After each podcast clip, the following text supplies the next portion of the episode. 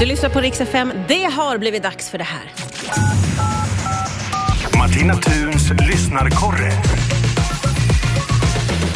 Ja, men visst är det så. Ett favoritögonblick i veckan. Och idag vänder vi örat till Skara där Ulf Dahlberg finns. Hur är läget, Ulf?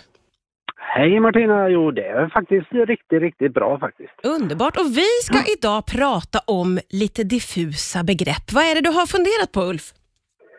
Det finns ju fruktansvärt många diffusa begrepp ute i vardagen och, och, och för oss som är liksom mer exakta och tydliga av oss ställer det till lite problem. Ja, okej. Då förstår jag att du är en exakt och tydlig person.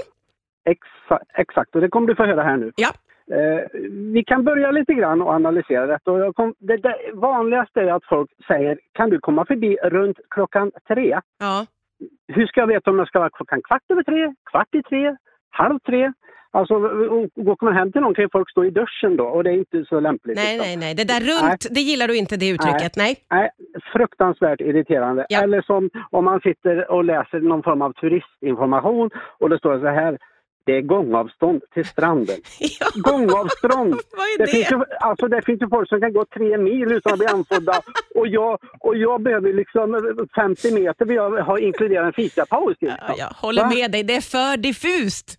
Ja, och sen kommer vi till det värsta av allt. Ja. Köket. I Oj. köket. Ja.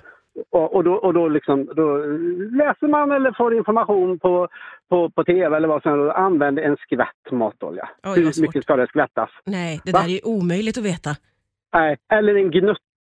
Vilket ord? Gnutta, vem kom på det förresten? Nej, nej. Va? Det är vansinnigt. Nej. En gnutta för mig, det kanske är något helt annat än vad en gnutta är för dig. Ja, och sen avslutas det alltid med att ja, och så låt det koka på svag värme.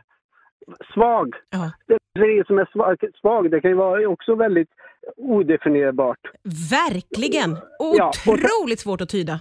Ja, och sen, och sen så, liksom, så finns det ju typ andra där det kan eh, stå så här då, att, att, eller någon informerar att det kommer byggas en avfallsanläggning i ett bostadsområde inom överskådlig tid.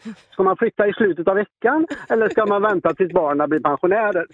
Va? Det är omöjligt att veta. Herregud, du har en sån poäng i ditt Ja. resonemang här, Ulf. Ja. Vi det behöver mer tydlighet. Och det nyaste, det nyaste och det är en av de värsta, det är ju ish. Oh. Ja, kära någon. Klockan 09-ish ska man vara någonstans. Alltså, på min tid var ju ish ett, eh, det var ju tyskt personligt pronomen. Ish.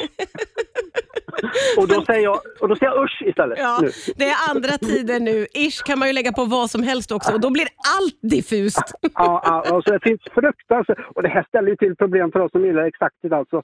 Ja. Och, och, och tydlighet i vardagen. Och, och, och som sagt, den här analysen har jag ju just gjort lite på. Den har jag inte gjort på en höft. Och vad är då en höft? Ja, vad är en Va? höft? Va? Nej, Nej. nej. Så det, det, var min spaning för i, i veckan faktiskt. En otroligt viktig spaning måste jag säga. Väldigt, väldigt bra. Vi skickar ut i det svenska samhället gärna lite mer exakthet, eller hur? Tydlighet. Tydlighet är det vi efterlyser. Ja. Tack Ja. för idag Ulf ifrån Skara. Vi hörs snart igen. Absolut.